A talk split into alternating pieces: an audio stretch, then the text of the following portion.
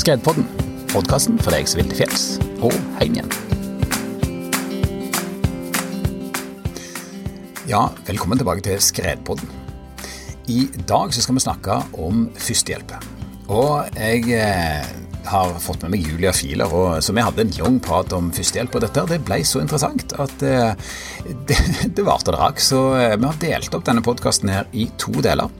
Så nå skal du få høre del én. Og der går vi veldig konkret til verks og ser på liksom eh, hva gjør du? Sant? Du har funnet noen nede i skredgropa der, eh, og ja, gravd opp, og hva så?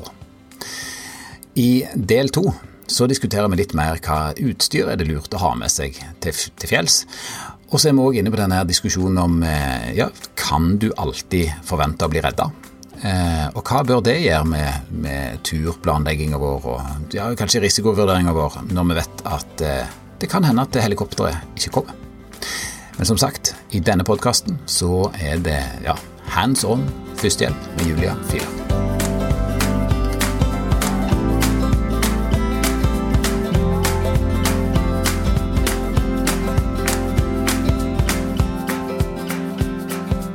Jeg er heldig nok en gang. I dag så har jeg med meg deg, Julia Filer. Og, så velkommen til Skredpodden. Tusen takk. Du, Julia. Jeg må bare liksom introdusere deg, at, og det tar litt tid. For du har, du, har, jo mange hatter her. Men du er både anestesilege i spesialisering, og så er du skredleder og har vært fagleder skred på flere store redningsaksjoner. Og kanskje den gangen der mange har sett deg, er på den ulykka på Blåbærtind, da du var fagleder for skred sammen med Vegard Olsen i Folkehjelpa. Også I tillegg så er du Røde Kors sin delegat i Medcom, så er den medisinske kommisjonen i ICAR, så er den internasjonale kommisjonen for alpin redning.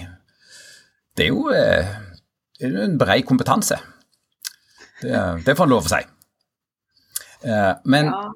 for, for, å liksom komplettere det, da, så er, jo, så er, du veldig mye på tur i tillegg. Sånn at du er et topptur ja, vant med å være på fjellet.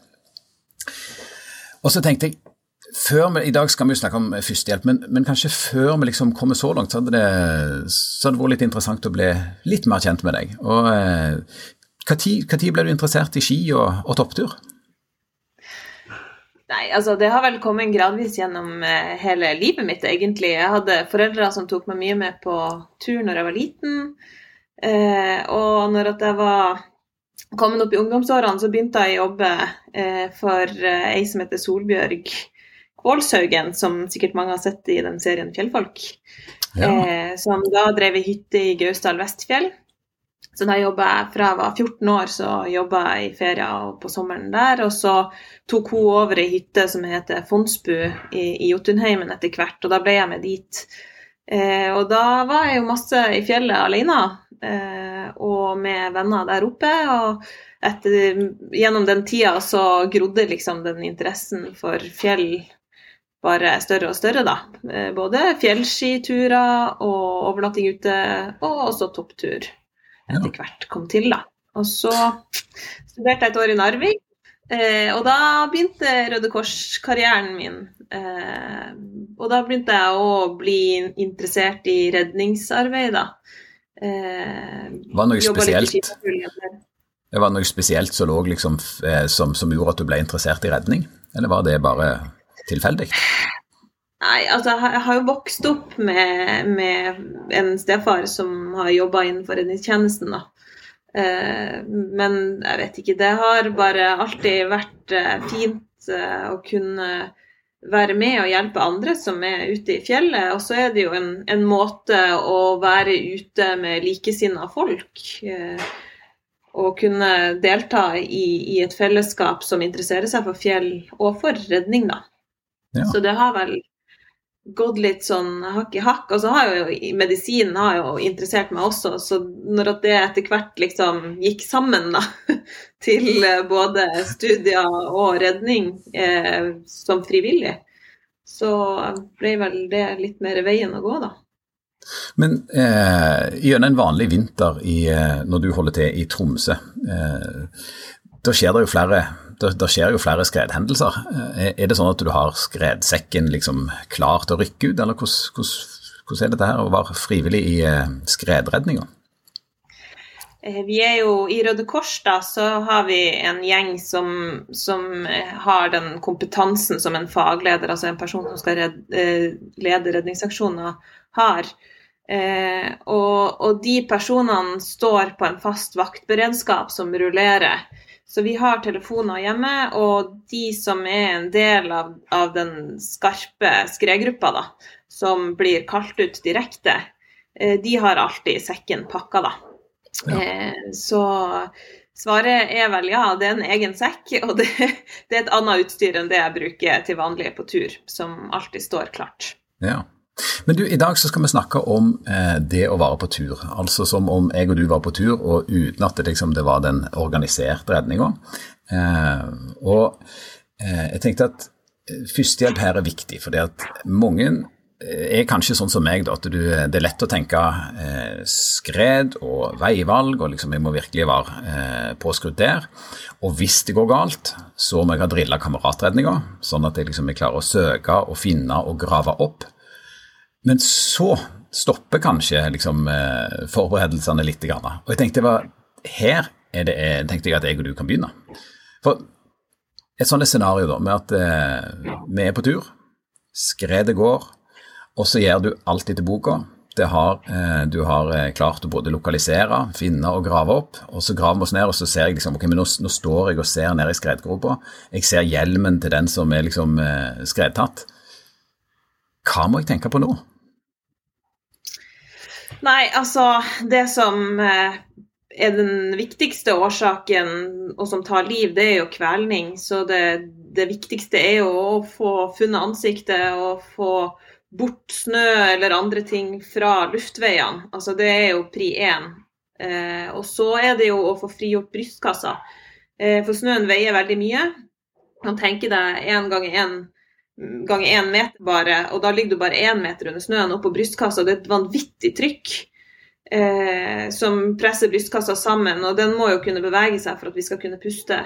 Så det å få frigjort ansikt og luftveier, ta bort snø fra munnen og, og grave bort snøen som ligger og trykker på brystkassa, det er det første tiltaket da, som må til.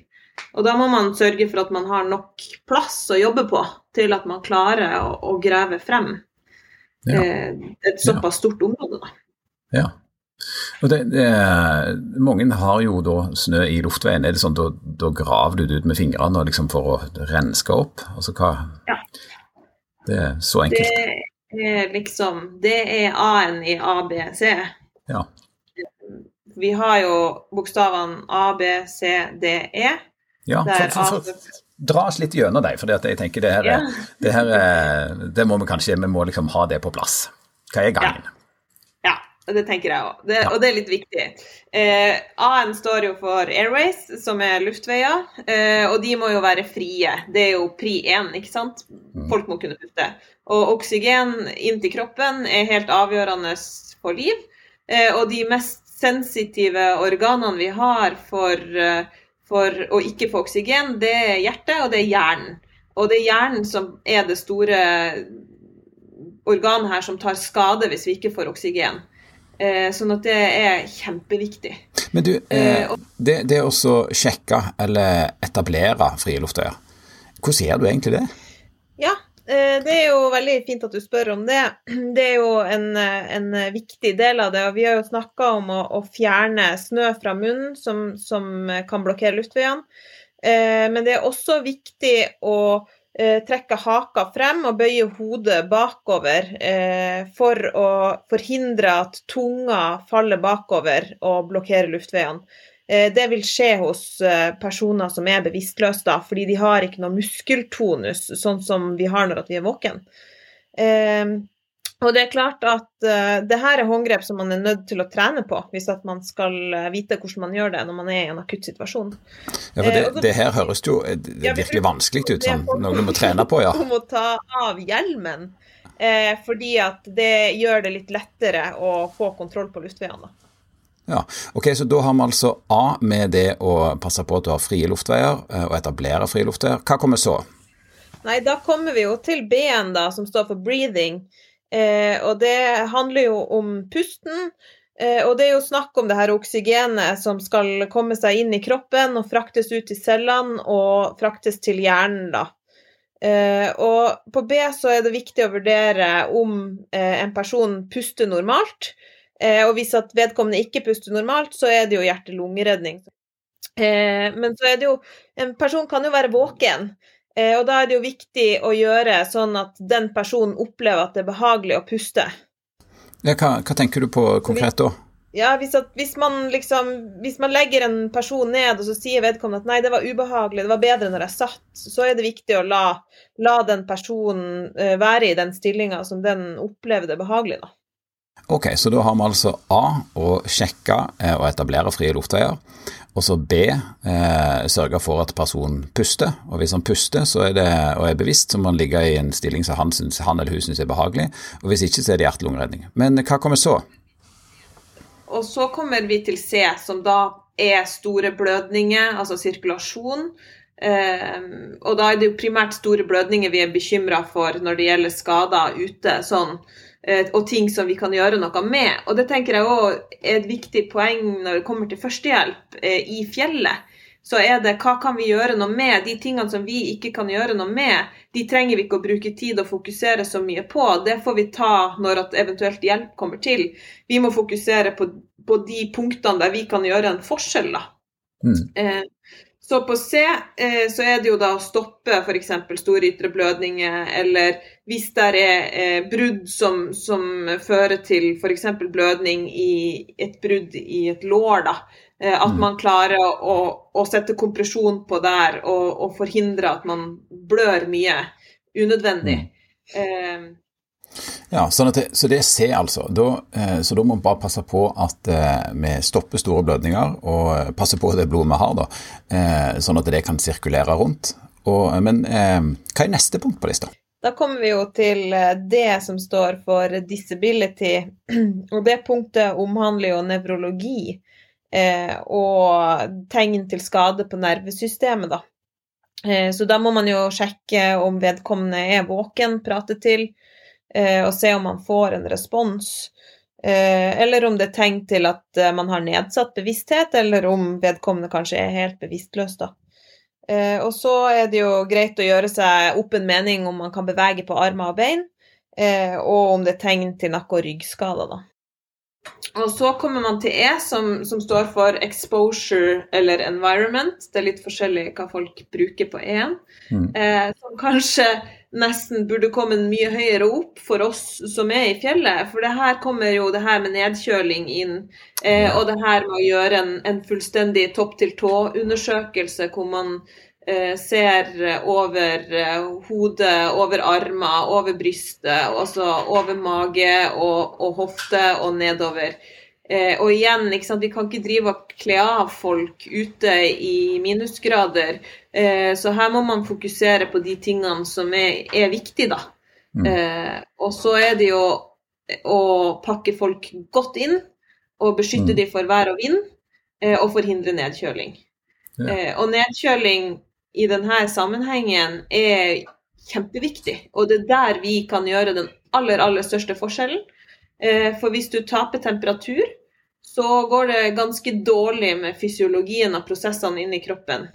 Eh, og det bl.a. gjelder eh, hvordan blodet koagulerer, altså evnen til å stoppe blødning, blir nedsatt når man blir kald.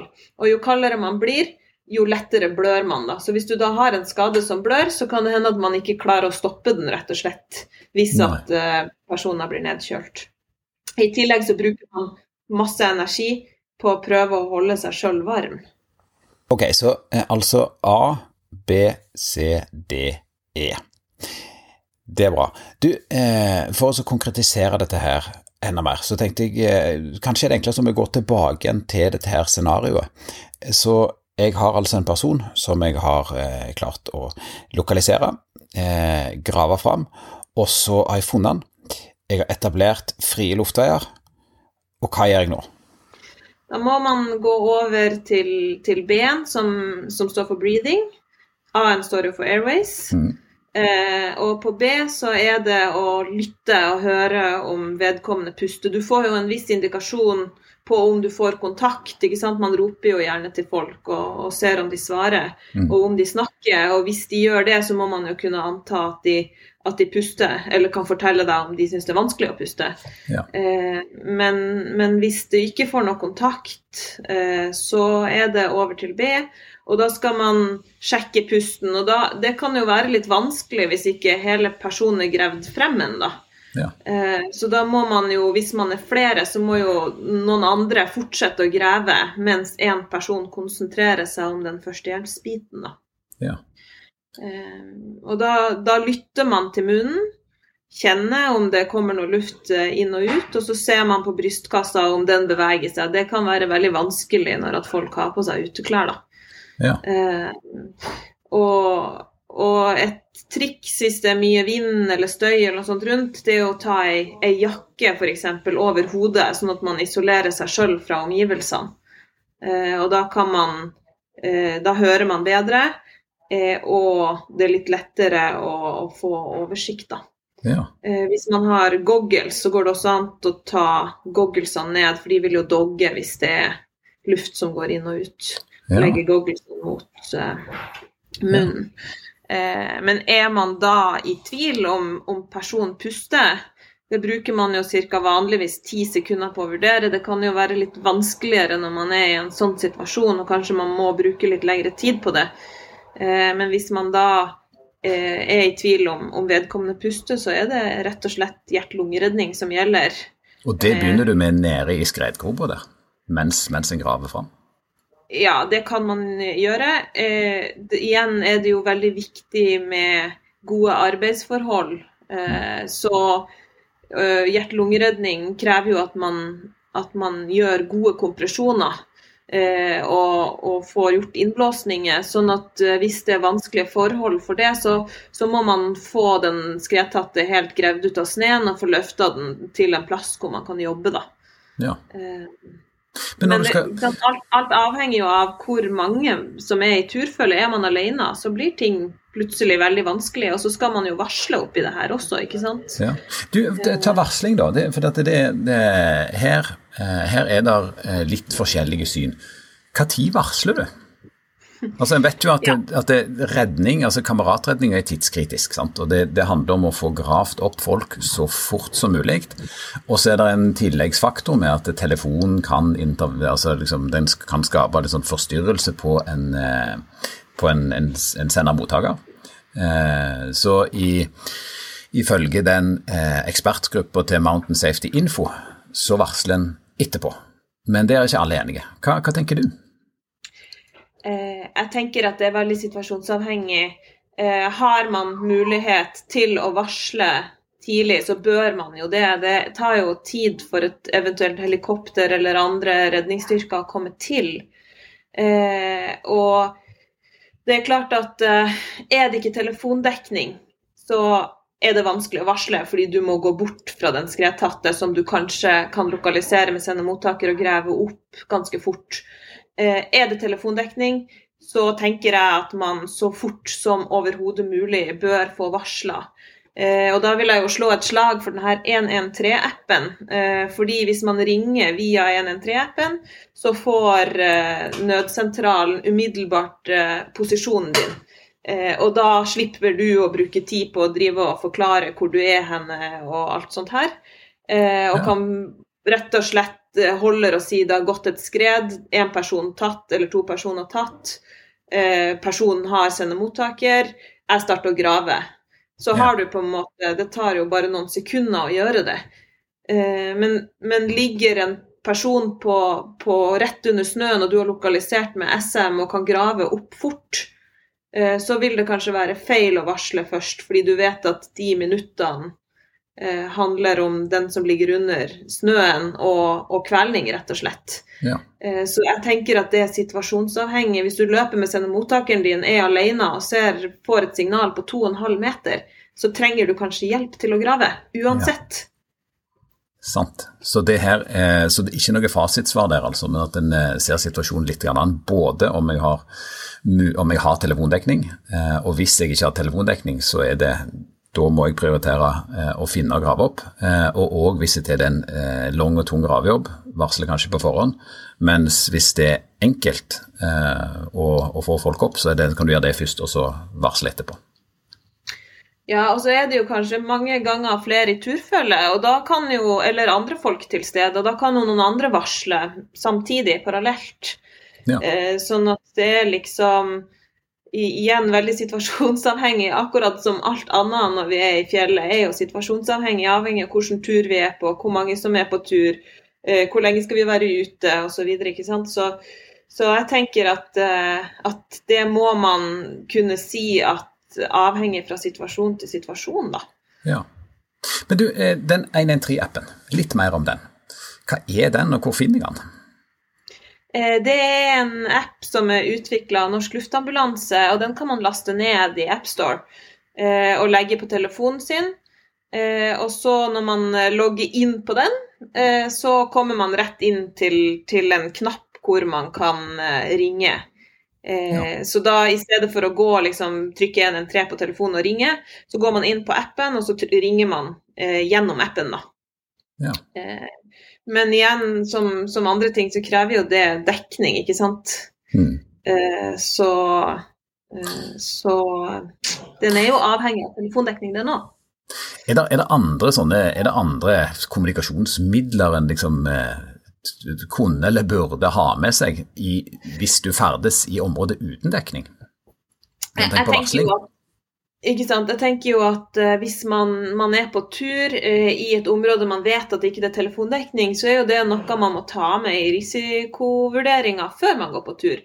Mm. Uh, og det tenker jeg også vi kommer tilbake til. fordi ja. Førstehjelp handler jo veldig mye om planlegging og at du er forberedt. Eh, kanskje nesten mer enn hva du gjør akkurat når ting skjer. Um, og, og, det gjelder jo òg f.eks. at man, hvis man går et sted man vet at ikke det er dekning, at man har med seg noe som gjør at man kan kommunisere. Som f.eks. en nødpeilesender, InReach, eh, mm. eller eh, andre typer Eh, og, jo, og, da må man jo sette seg litt inn i hvordan sånne ting fungerer. Jeg har selv vært med å rykke ut eh, på aksjon i Jotunheimen der det var en nødpeilesender som ble slått ut eh, i forbindelse med et skred. Eh, ja. Og de hadde ikke telefondekning. Og det, det, som skjer da, er at vi tilfeldigvis var et gjeng som, som var på fjellet fra redningstjenesten, som rykka direkte ut eh, fra ei hytte, da. Sånn at eh, plutselig så når man eh, folk som er i nærheten, eh, ved å ha et sånt system, da. Ja. Og så er det også viktig å poengtere at eh, ser man at det går et skred, og man er redd for at noen blir tatt, så er det bare å ringe redningstjenesten umiddelbart. Fordi man vil aldri få påpakk for å ha varsla. Eh, og redningstjenesten er mye mer takknemlig for å bli varsla tidlig, sånn at de faktisk kan komme til å gjøre en forskjell, enn å ikke bli varsla. Mm. Og det å iverksette eh, en utrykning er veldig lett å avbryte hvis det viser seg at alt har gått bra. Eh, men det er mye, mye verre å ikke ha varsla, og at man ikke kommer til tidsnok. Ja. Så hvis, så, så hvis, hvis det er mulig å varsle enkelt, eh, og hvis det er tidkrevende å redde, da, varsler jeg kanskje først, eh, eller underveis, eller hvis det er andre som kan varsle. Det er bra. Men du, tilbake til denne her, tilbake til, til, denne her som vi nå kanskje har fått opp og ut av skredgropa. Si at dette mennesket puster, da. Eh, jeg har hatt jakke over hodet, jeg har liksom, holdt eh, gogglesene og ser at det er dogger, men jeg får ikke kontakt. Hva gjør jeg da? Nei, da er det jo luftveiene igjen som er det viktigste. ikke sant? Luftveiene er A-en, som vi snakka om, det er Airways. Eh, og så har vi B-en som er pusten. Og de kommer før alle de andre bokstavene. Og det er fordi at det her er de viktigste tingene. Eh, så da skal man legge den personen i stabilt sideleie for å sørge at vedkommende beholder frie luftveier. Eh, og for å forhindre at hvis den personen som ikke har noen intakte reflekser, hvis den kaster opp, så vil det oppkastet gå inn i lungene.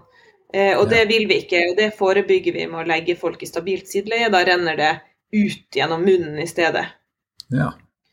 Eh, sånn at det er veldig viktig, selv om vedkommende er skada, så skal ja. vedkommende i stabilt sideleie. Og det gjelder er... også hvis du har en, en person som, som, du får dårlig kontakt med, som puster, men, men uh, er våken. Uh, så fremt vedkommende ikke sier at de har det bedre med pusten i en annen stilling, da. Ja. Så da er det stabilt sideleie, altså. For det, jeg tenker, altså et, et, et, snøskred eh, det handler ikke bare om kvelning, selv om det handler mye om kvelning. Det er, altså, det er et, et sånn høyenergitraume. Eh, og da, tenker, da må det jo kunne være andre skader òg. Altså, tenk, tenker du på det? Jeg tenker, Om det er en knekt rygg eller en knekt nakke, så kan du være litt sånn redd for å, å begynne å flytte på folk.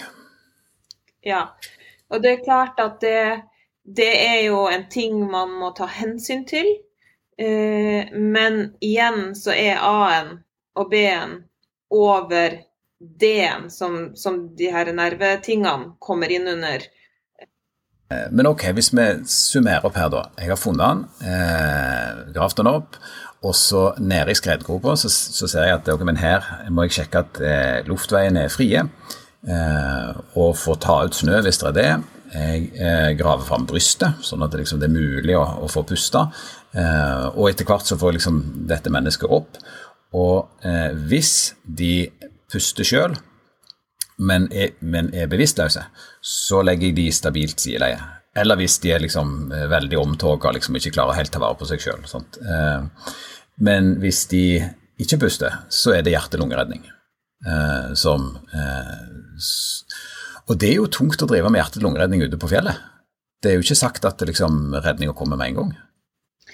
Nei, ikke sant. Og da er det jo igjen tilbake til varsling og hvor, hvor langt eh, unna er eventuell hjelp. Eh, hvis man begynner med hjerte-lungeredning, så må man drive med hjerte-lungeredning til hjelpa kommer til deg. Eh, mm. Det å begynne å forflytte seg er jo forferdelig ressurskrevende og veldig veldig vanskelig å få til i praksis, selv om man er, er flere folk. da. Og hjerte-lungeredning er mye mer effektivt eh, når du er på én plass, og kanskje helst er flere folk som kan rullere på å gjøre hjertekompresjonene. Mm. Eh, for det er tungt arbeid. Eh, og det skal gjøres eh, ordentlig i riktig takt med, med ca. 100 per minutt. Men stopp her, da. Sånn 100 per minutt er ganske mye. altså Hjerte-lungeredning, da det både, da snakker vi om innblåsninger og så hjertekompresjoner.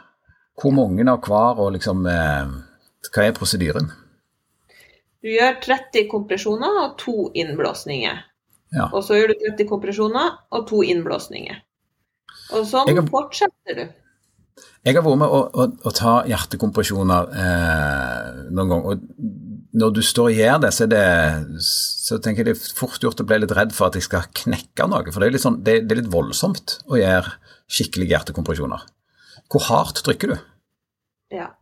Eh, man skal dytte ganske hardt, eller presse ganske hardt eh, ned. Eh, og man sier jo at man skal presse fem centimeter ned, eh, det er jo ikke noe som man måler i utgangspunktet. Mm. Men det at eh, man knekker eh, ribbein, det er helt vanlig under hjertekompresjoner.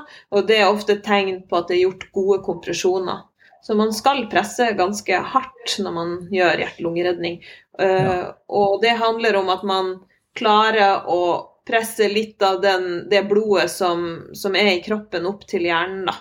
Eh, og hvis man gjør gode hjertekompresjoner, så klarer man å generere opp mot 30% av det man genererer til vanlig når man har et velfungerende hjerte. da. Men det er ikke mer heller. Altså, det er ikke mer enn Med gode kompresjoner så er det ikke mer enn 30% sånn eh, sirkulasjon du klarer å få til. Det er ikke all verden. Nei. Og så gjør man jo innblåsninger da for å gi oksygen til lungene, sånn at det kan få passere inn i blodbanen og gå rundt med det blodet som vi prøver å pumpe rundt. da. Ja. Men du, på film så ser, jeg, så det, så, så ser, du liksom at det er to innblåsninger, og så er det en, en hjertekompresjon eller to, og så livner folk til. Er, skjer sånt i virkeligheten, eller er det sånn at hjerte-lungeredning er noe du driver med fram til eh, Det driver du alltid med når du først har begynt, helt fram til den profesjonelle redningstjeneste er kommet. Ja. Og det er, jo, det er jo ikke sånn som på film. Altså Det som er spesielt her, eh, hvis du har en, en, person som har ligget under sneen og blitt kvalt, så kan det jo være det at de ikke har hatt tilgang på oksygen eh, som har gjort at hjertet har stansa. Og er man, man, veldig veldig heldig og kommer veldig tidlig til, så kan det hende at de kvikner til av seg sjøl. Eh, men da vil det sannsynligvis skje ganske fort. Ja. Eh, men det er aldri feil å starte hjerte-lungeredning. Eh, og hvis folk våkner opp, så kommer du til å legge merke til det. For det er ikke noe godt å bli gjort hjerte-lungeredning på. Nei, det kan jeg ikke gjøre for meg. Nei, når det, når det ryker noen, når det ryker noen ribbein Hvis du ikke våkner det, så våkner du ikke. Sånn er det vel kanskje. Men, men, eh, men når man først har starta hjerte-lungeredning, eh, så må man fortsette med det. Og det er kjempetungt arbeid. Det er viktig at man da på et tidspunkt har fått varsla, fordi man mm. trenger hjelp. Eh, man trenger også en defibrator som kommer med redningstjenesten, som er en sånn hjertestarter for å gi, eventuelt gi hjertet et støt. Ja. Um, og hvis, uh, hvis hjertet Det vi håper på, er jo at hjertet står og flim, flimrer før det eventuelt flater helt ut. ikke sant? Men det har mange sett på film, at det er en sånn eh, kurve der hjertet står og flimrer. Og, og det er jo det man prøver å optimalisere og forlenge Eh, med hjerte-lungeredning, sånn at man kan komme til og få gitt personen et støt da, og slått hjertet inn i rytme igjen. Ja, For når det er flatt, da er det, da er det kjørt? Da er det veldig dårlig sjanse. Ja. Mm. Men ok, hvis vi er tilbake til scenarioet vårt, da. Eh, denne her personen eh, den puster seg sjøl, så jeg slipper å drive hjerte-lungeredning, men de er ikke bevisste. Altså Da har vi vært gjennom A som er airways, og B som er breathing, og de puster sjøl. Og så sier du C for sirkulasjon. og det, da, da, sa du at eh, vi skal se etter store blødninger, enten om det er åpne brudd, eller liksom om det er eh, plasser det blør.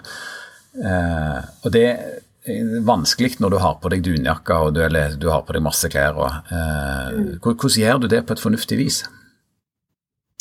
Nei, altså eh, det, er jo, det er jo alltid en, en diskusjon, men er det noen åpenbare tegn til noen store skader?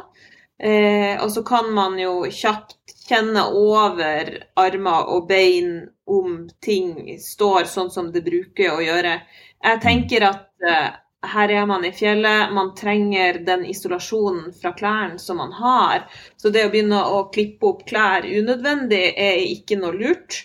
Eh, det går an å eh, gå inn under Gore-Texen og se om det er noe tegn til blødninger. Eh, mm.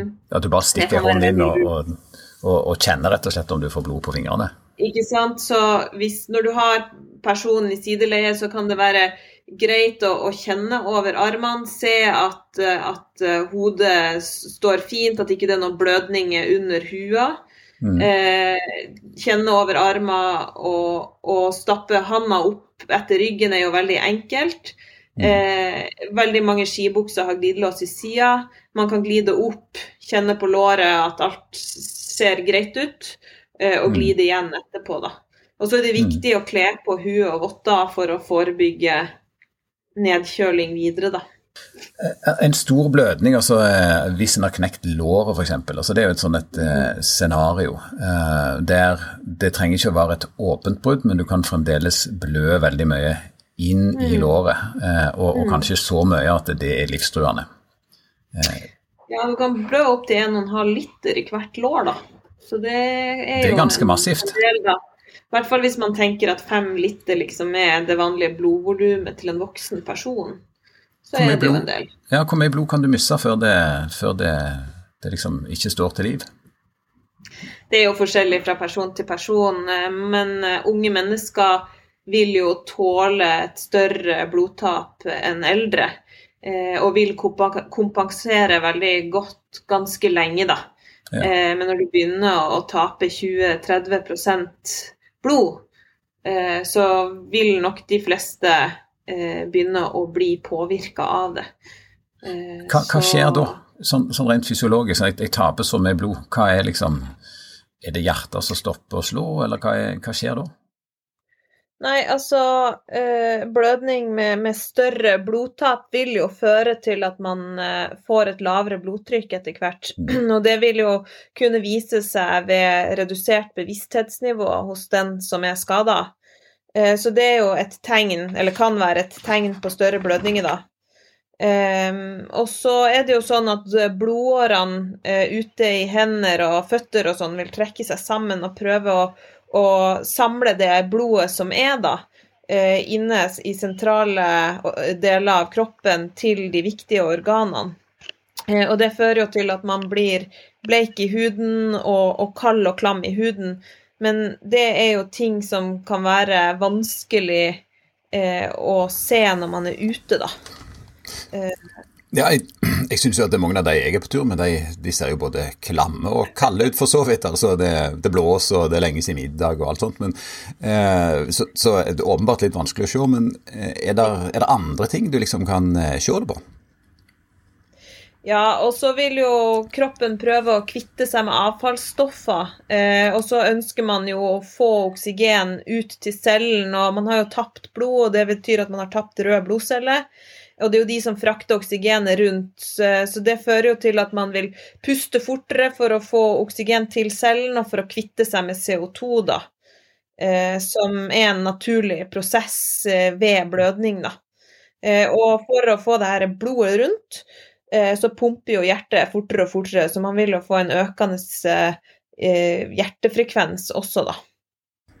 Ja, sånn at det, da er du altså bleik og kald og klam og så eh, slår pulsen eller hjertet fortere, og så puster du kanskje til og med fortere òg. Men jeg tenker på det, det å eh, kjenne pulsen på folk som er skada ute, er det, er det, greit? Er det enkelt? Jeg ser for meg det er vanskelig. Nei, det er vanskelig. Eh, den, det, den, plassen det kanskje er lettest, er jo på halsen, da.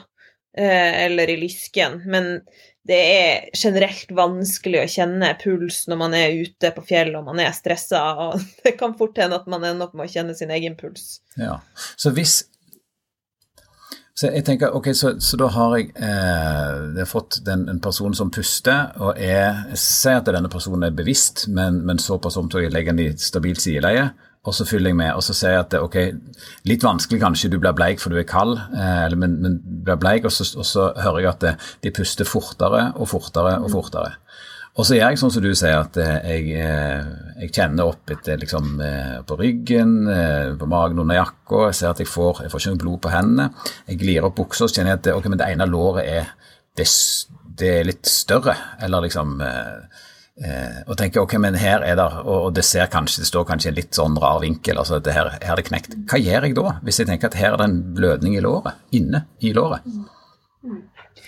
Eh, det er jo sånn at man kan jo dra på plass brudd eh, når det gjelder lårbrudd på en voksen person.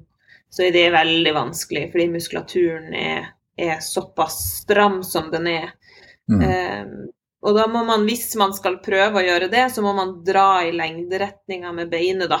Men da må mm. man også ha en plan for hvordan man skal spjelke det etterpå når man har dratt det på plass. Mm. Fordi det glir ut igjen, sånn som det var. Ja. Um, men en, en, ting som kan bidra til å stoppe eller minske en blødning på armer eller bein, det er jo at man har en f.eks. en kompresjonsbandasje i sekken sin eller noe annet. Har man ikke det, så kan man ta noen klær og så surre stramt rundt, sånn at man eh, stopper eller begrenser det rommet som det kan blø inn i, da. Ja. Eh, hvis man mistenker at det f.eks. er en blødning fra et lår, da.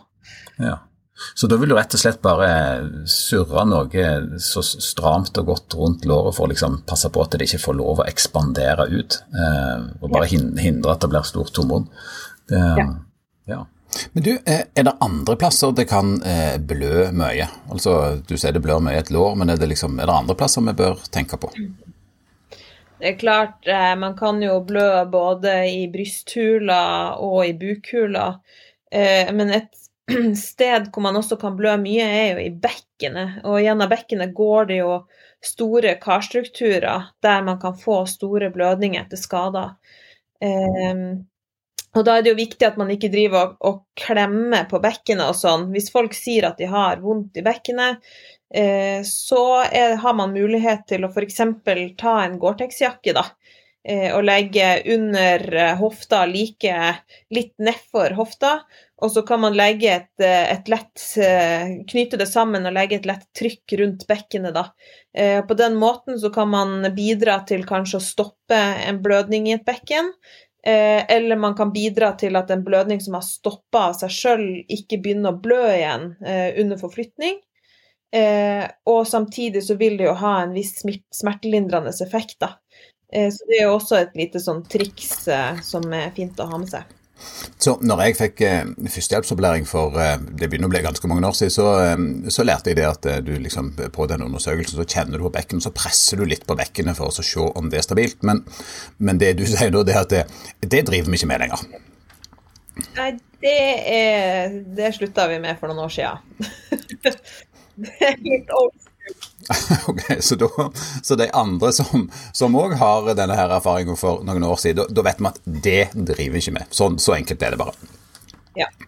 Du får ikke noe mer ut av å drive og trykke det utover. Og det du risikerer, er at du åpner bekkenet og, og eh, starter en blødning som da kanskje har stoppa eh, ved å dra det fra hverandre, da. Mm. Men eh, ok, så, det, eh, så, så, så, har jeg fått til det, eh, og, det, og den personen som ligger her, den, den, er stabil. Og så sa du at det, vi må fokusere på det som vi kan gjøre noe med, og det handler kanskje mye om eksponering. Altså å holde folk varme. Hvordan gjør en det? Det er jo ikke så lett. Det viktigste er å legge noe under denne pasienten vår. Vi ligger rett på snøen, det er mm. kaldt en person som ligger i ro, klarer ikke å generere varme sånn som vi gjør når vi beveger oss rundt, eh, fordi at de bruker ikke kroppen. Eh, I tillegg, hvis du er skada, så bruker du masse energi på, på, smerter og på den prosessen som foregår mm. eh, der rundt skaden. Da. Mm. Eh, sånn at få noe under personen, få det isolert fra bakken. Om så legger vedkommende oppå sekkene, da, hvis det er det man har tilgjengelig. Mm. Eh, og så eh, hvis man har en vindsekk f.eks., så er jo det et kjempefint verktøy. Det blir veldig varmt inn i en vindsekk. Eh, og skjermer godt for alt av vær, da.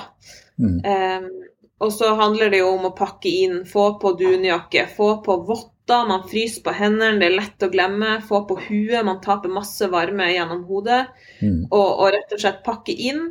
Og i, er, er, det sånn at det, det ikke er nok, så må man kanskje legge seg inntil, da. Eh, ja. Og hjelpe til å, å, varme kompisen. Og Det finnes jo mange måter å gjøre det på. Har du en våken person som, som ikke er bevisstløs, så vil, kan man kanskje sette seg bak, da. Og så mm. får den personen lene seg på deg. Da gir du i hvert fall varme til overkroppen. Og det her er jo det er jo her vi kan gjøre en forskjell. Vi kan mm. bidra til å holde folk varme mens vi venter på hjelp, da. Mm.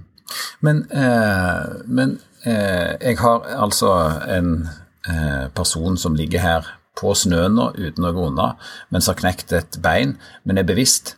Det er jo forferdelig vondt for deg hvis vi skal begynne å løfte og flytte på dem.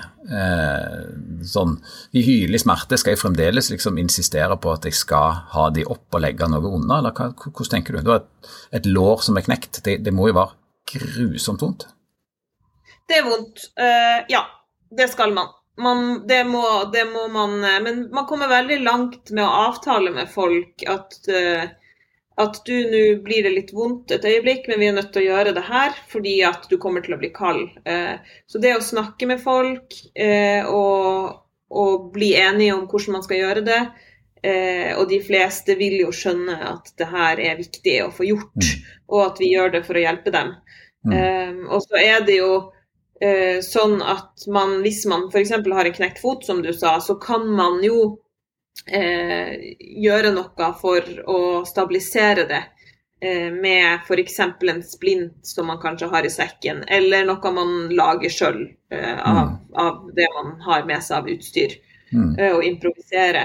Og, og, det å immobilisere ting vil jo i stor grad eh, bidra til at det blir mindre smerter. Men det er klart Ja. det er ikke lett å immobilisere et, et brudd i et lår. Det er såpass langt oppe og det er såpass eh, hardt. Men, men, eh, men absolutt kan man jo forsøke å lage en spjelk, sånn at man kan begrense smertene. Ja. Eh, Men, men når det gjelder den nedkjølingsbiten, så er det såpass viktig, og det går såpass fort, Mm. at, at det er viktig å gjøre det tidlig på Så- lakken oppunder. Men hvordan løfter jeg eh, sant, det, det, Du sier at de skal innmobilisere, da er det altså stive av det som eventuelt er knekt. Eh, Men er det noen sånn teknikker på å løfte folk? altså Løfter jeg eller ruller jeg, eller liksom, hvordan får jeg dette liggeunderlaget eller eh, sekkene eller sånt unna? Er det, er det liksom Har du noen triks?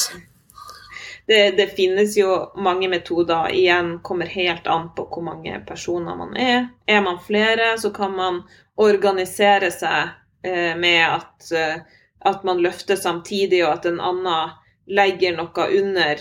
Eh, Mm. men da er det jo viktig å ha en plan før man gjør det. ikke sant? At man snakker i lag, legger klart alt utstyret sånn som man vil ha det.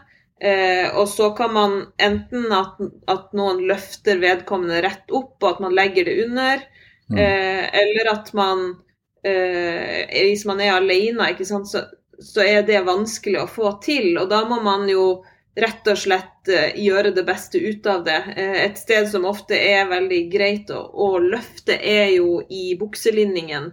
Eh, for da får du hele hofta opp. Og det er liksom der det er tyngst, og så kan man dra noe under, og så får man liksom jobbe seg oppover og nedover derifra, da. Ja, Ja. Men igjen veldig situasjonsavhengig, da. ja, ja. Men du, det, det, eh, når vi er på fjellet, så er det jo ikke nødvendigvis bare snøskred som er, eh, som er utfordringer. sant? Det er jo ikke Jeg kan jo, jeg kan jo ramle og slå meg, jeg kan liksom eh, Hva andre typer ulykker bør vi være forberedt på?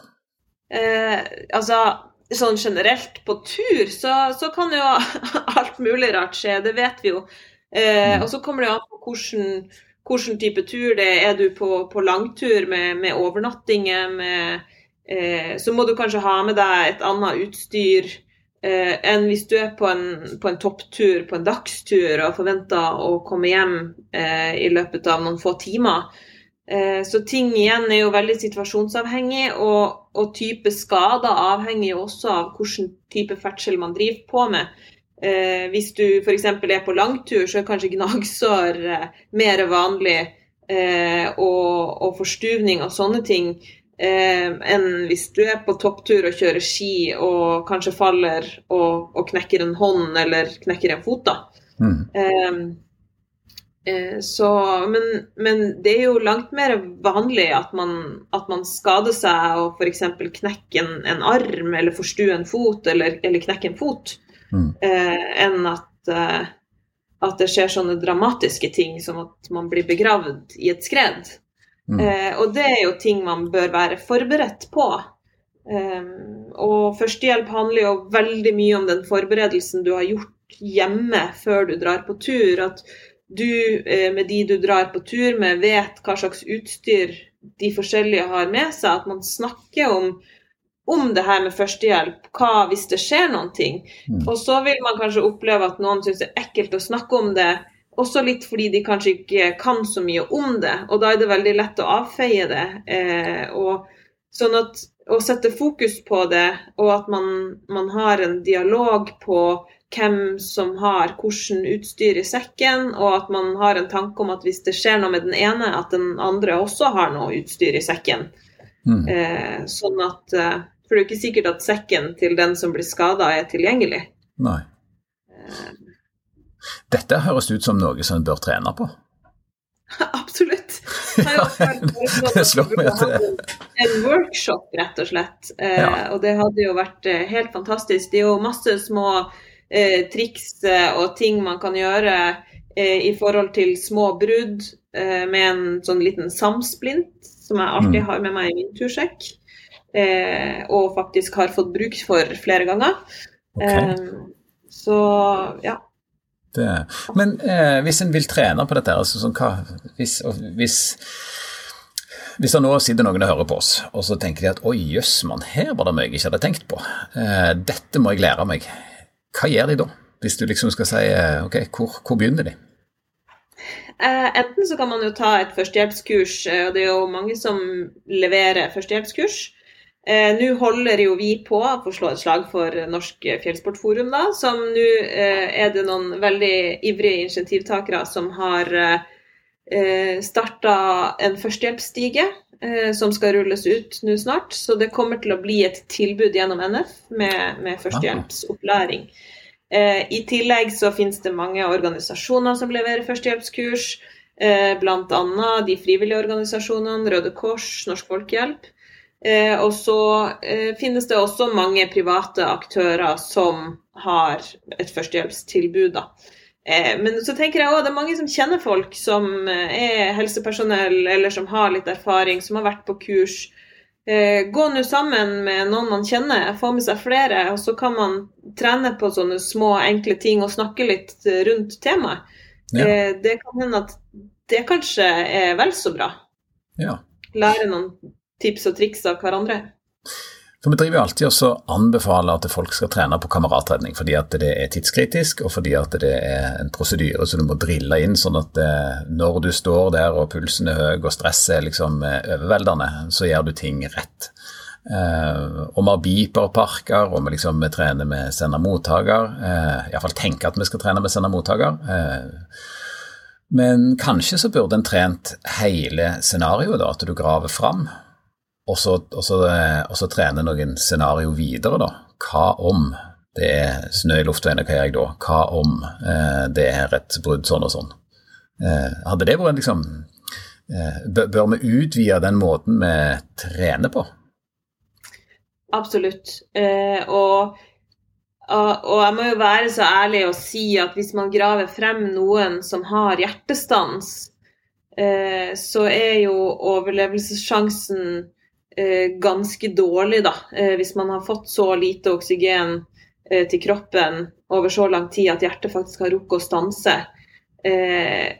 Så og Jeg sier ikke at man ikke skal starte gjenoppliving og, og, og jobbe for det, men jeg tenker liksom at de som vi virkelig kan berge, og de som er skada, og som der de er våken og vi kan bidra til at den skaden de har, ikke blir større, da.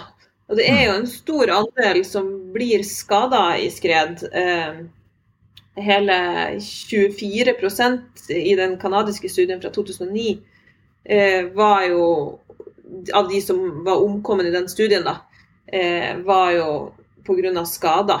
Sånn at ja. det er jo en betydelig del av skred. Det er høy energi, og det er skada pasienter. Ja. Eh, og der eh, må vi ha noen verktøy for å kunne hjelpe de vi er på tur med, eller hjelpe oss sjøl hvis det skjer noe. Ja. Og da er det kanskje lurt at eh, redningstjenesten er på vei? Sånn at de får komme Absolutt. til hvis, når det er et sånt høyenergitraume, så at det, det, kan være hardt skada personer du graver fram. Det er, ikke, det er ikke, sånn at det graver fram, og så er jobben gjort. Nei. Så igjen veldig, veldig viktig med tidlig varsling, da. Ja. Du Julia, dette her var veldig både lærerikt og interessant, eh, så jeg har lyst til å si tusen takk for at du ble med. Jo, takk for at jeg fikk være med. Veldig gøy.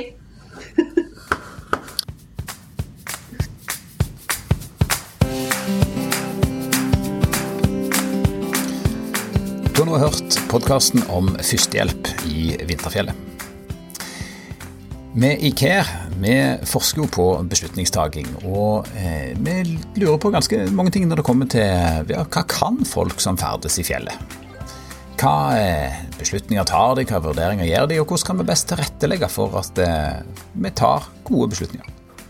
Her så kan du òg bidra litt. Jeg pleier å mase om et sånt deltakerpanel, og jeg gjør det denne podkasten òg. Fordi at for at vi skal kunne gjøre jobben vår med å både forstå utvikle kunnskap og tilrettelegge for at eh, vi tar gode beslutninger, så trenger vi hjelp av deg. Det nytter ikke for oss her å sitte og skal eh, forske på beslutningstaking uten eh, at vi har dere med på laget. For det, det svaret det sitter jo dere på, det sitter ikke vi på. Så hvis du har lyst til å hjelpe oss, så kan du gå inn på www.carepanel.no, og det er care med en C da blir du med på et eh, studie som går over flere sesonger. Du skal svare på noen spørsmål der, ta 10-15 minutter. Og så sender vi deg noen spørsmål til neste sesong. Og sesongen etter der igjen. Det er lite arbeid for hver enkelt, men samla sett så gir dette her oss en sånn kunnskapsbank som eh, jeg tror er veldig viktig. Så trekker vi selvsagt premier. Det er både skredsekker, skredsøkere, søkestenger, spader, alt mulig. For vi har lyst til å liksom, ja, oppmuntre folk, virkelig. Vi har nettopp fått et, eh, en eh, støtte på 15 millioner fra Nordforsk for å drive et sånt et stort prosjekt. Og sentralt i det så ligger akkurat dette deltakerpanelet. Så hvis vi sammen klarer oss å få til det, så har vi et lag med prominente forskere som kan være med å virkelig løfte dette opp, sånn at vi kan forstå, lære og gi noe tilbake. Sånn at vi sammen kan sørge for at vi tar bedre beslutninger. Fram til vi snakkes igjen, ha en fin dag.